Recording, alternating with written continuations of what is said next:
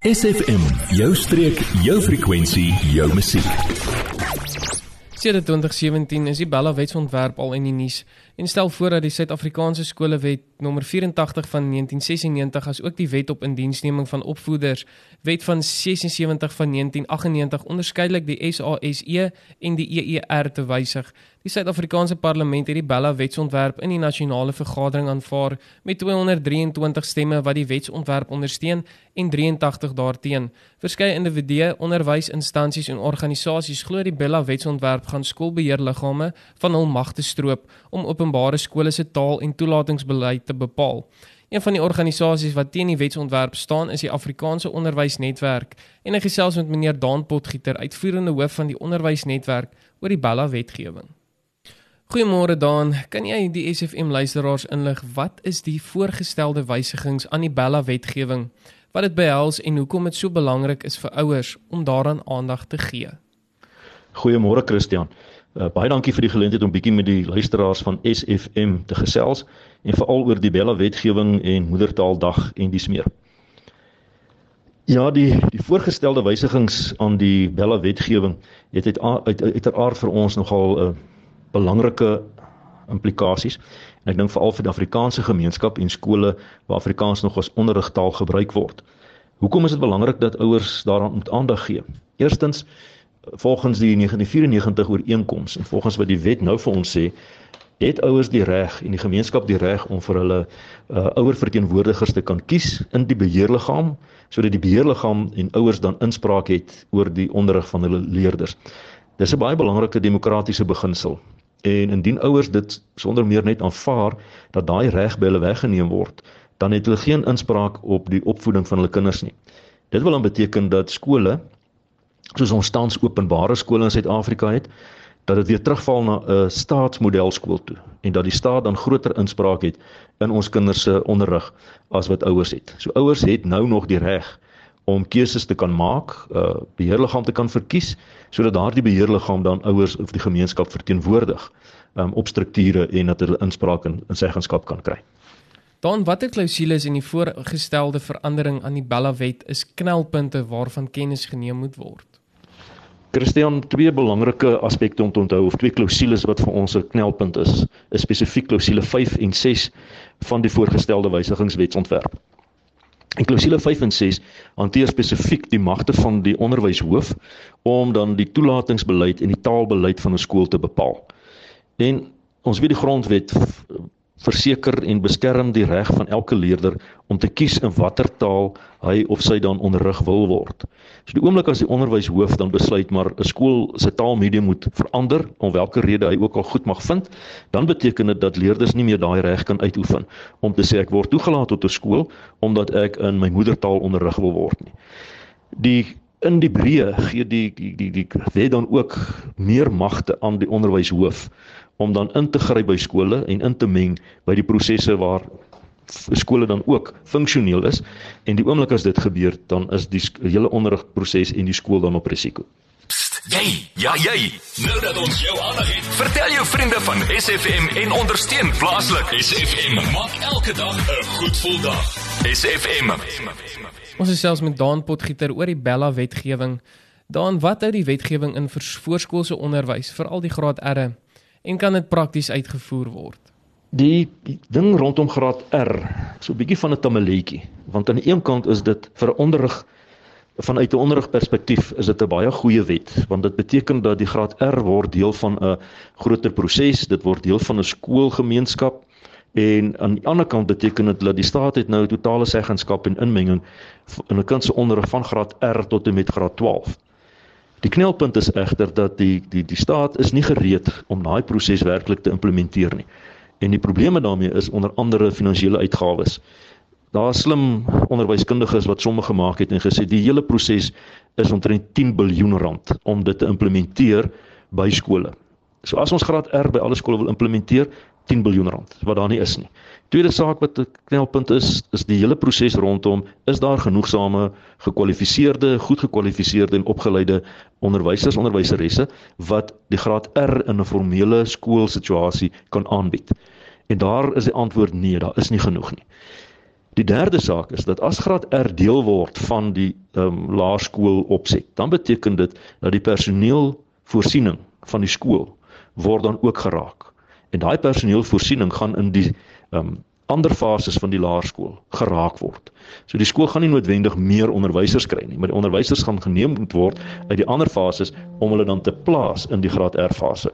So dit is kommerwekkend want op die ou einde gaan daai in baie van in baie gevalle gaan daai koste terugval na die skoolbeheerliggaam toe. En die skoolbeheerliggaam is nou reeds die die ehm um, liggaam wat in gevaar stel omdat die onderwyshoof daai besluitnemingsmagte wil wegneem. Watter probleme voorsien jy vir die toekoms as daar nie aandag deur ouers, organisasies en beheerliggame gegee word nie? En hoe kan dit gestay word?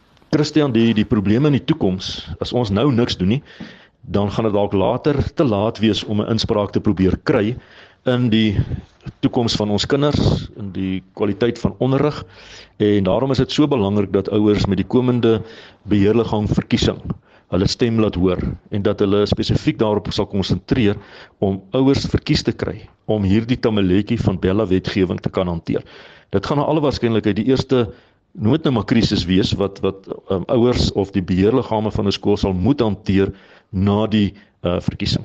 Onthou die die die situasie van die hoof in hierdie geval raak onhoudbaar want die hoof moet sy primêre werkgewer wat die departement van onderwys is dien, maar hy sit ook uh, met sy een hoed op as 'n lid van die beheerliggaam wat ook beheerliggaam uh, strukture strategieë moet uitvoer. En daarom is dit belangrik dat daar 'n sterk beheerliggaam verkies sal word dat dit met reg die verteenwoordigers van die gemeenskap sal wees en dat hierdie ouers 'n verskil kan maak. Indien ons dit nie nou doen nie, dan beteken dit dat ons laat die geleentheid verby en dat ons sonder meer maar net aanvaar wat die staat teen ons opdwing met hierdie belle wetgewing. So vir die toekoms is dit nie 'n goeie prentjie as ons nou hande gevou sit nie. Ons moet betrokke wees. Ons moet ouers bewus maak van die uh, knelpunte in die belle wetgewing. Ons moet vir ouers die geleentheid gee om hulle stem te laat hoor en die beste is raak betrokke. Um luister na die advies van kundiges. Um neem deel aan gesprekke. Gaan stem met jou beheerliggaam verkiesing en en stem reg. Maak seker dat jy die ouers het daar wat wat jou saak gaan dra en sal bereid wees om om nek uit te steek en op te staan uh, vir die regte ding. En dit sou wees om die belle wetgewing soos hy tans lyk natuurlik te bevraagteken en dan ook daar is genoeg organisasies binne in die Afrikaanse onderwysnetwerk wat reeds aangedui het dat ons bereid is om te litigeer indien die wetgewing dan goedgekeur sou word. So ondersteun dan ook daai inisiatiewe op watter manier o jy ook kan om seker te maak dat die stem van jou gemeenskap gehoor word. SFM, ons pomp in Afrikaans. Ons is selfs met Daan Potgieter oor die Bella wetgewing. Daan met moedertaalonderrig dag. Hoekom moet ons moedertaalonderrig in skole koester? Christian, ons vier vandag internasionale moedertaaldag, 21 Februarie. Um, dis 'n lekker dag om te vier want ons weet hoe belangrik moedertaaldag is en en ons hoef nie eers lang argumente daaroor te voer nie. Dit is al 'n internasionale erkende beginsel. En ons weet almal die waarde van moedertaalonderrig. Want moedertaalonderrig lê die boustene vir 'n leerder se karakter, kultuur, um, identiteit en natuurlik vir uitnemende akademiese prestasie. 'n verslag deur die VN wat 'n paar jaar terug uitgereik is, sê dit onder andere beklemtoon en gesê dat moedertaalonderrig is die beste wat jy vir 'n leerder kan gee om sy of haar toekoms te bepaal. Nou, hoekom sê ons dit?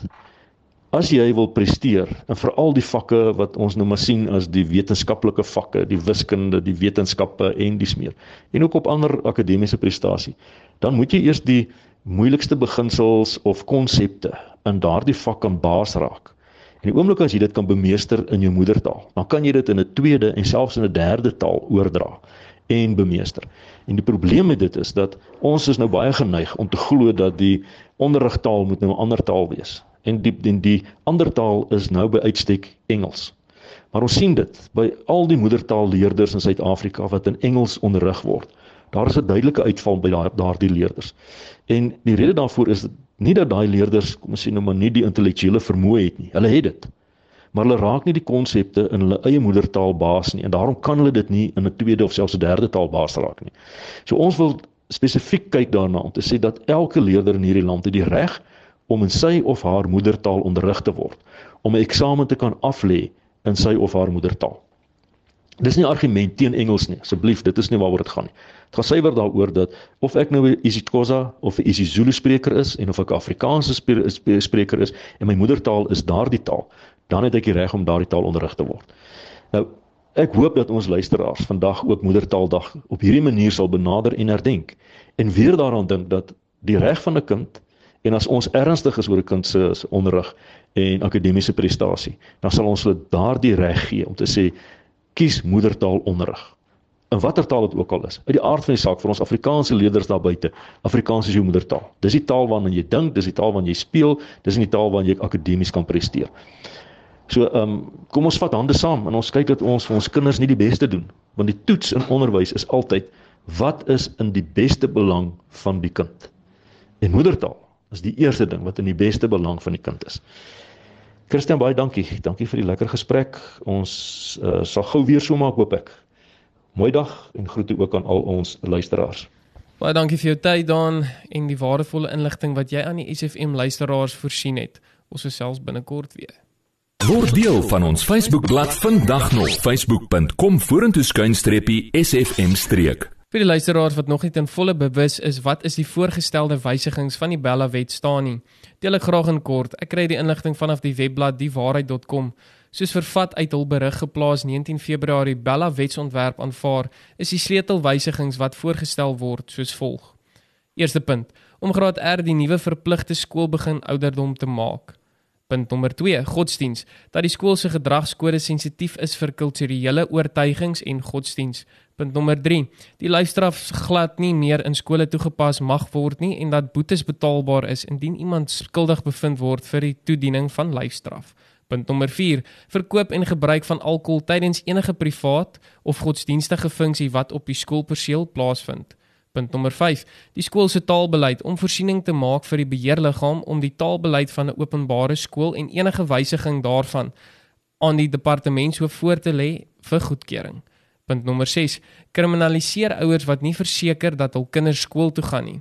Punt nommer 7: Laat leerders toe om abortus uit te voer sonder toestemming van voogde. Punt nommer 8. Stel seksopvoeding in al sy forme bekend.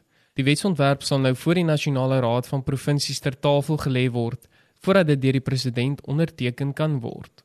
Adverteer jou besigheid vandag nog op SFM. Vir meer inligting skakel SFM gerus by 044 801 7811.